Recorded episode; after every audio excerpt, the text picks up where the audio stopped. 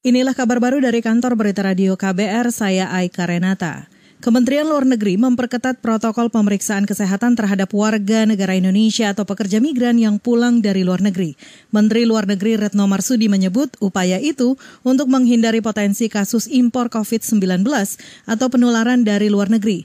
Apalagi ke depan masih ada kemungkinan pekerja migran akan kembali ke Indonesia.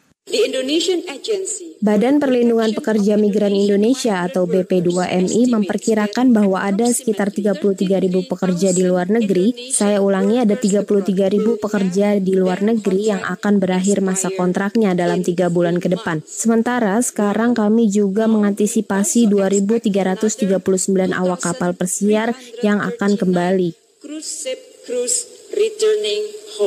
Menteri Luar Negeri Retno Marsudi menambahkan untuk memitigasi kasus impor COVID-19 ini, pemerintah menerapkan beberapa peraturan. Semua pekerja migran yang datang harus mematuhi protokol kesehatan.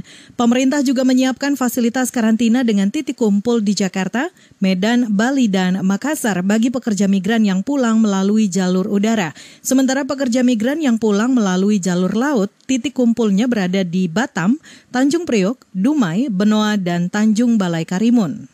Selanjutnya, Saudara Bank Indonesia memperkirakan kebutuhan uang tunai periode Ramadan dan Idul Fitri tahun ini menurun dibandingkan tahun lalu. Direktur Eksekutif Kepala Departemen Pengelolaan Uang BI Marlison Hakim mengatakan penyediaan uang kartal di 2020 juga disesuaikan akan kebutuhan dua periode tersebut. Nah, dalam rangka memenuhi kebutuhan uang rupiah di masyarakat pada periode Ramadan dan Idul Fitri tahun 2020, di tengah-tengah eh, pandemi COVID ini, Bank Indonesia telah menyiapkan uang kartal sebanyak sebesar 158 triliun rupiah untuk didistribusikan ke seluruh wilayah Indonesia. Jika dibandingkan dengan periode Ramadan tahun lalu, maka kebutuhan uang tunai pada periode Ramadan tahun ini diperkirakan menurun sekitar 17,7 persen. Direktur Eksekutif Kepala Departemen Pengelolaan Uang Bank Indonesia, Marlison Hakim mengatakan ada tiga penyebab turunnya kebutuhan uang tunai di musim lebaran tahun ini.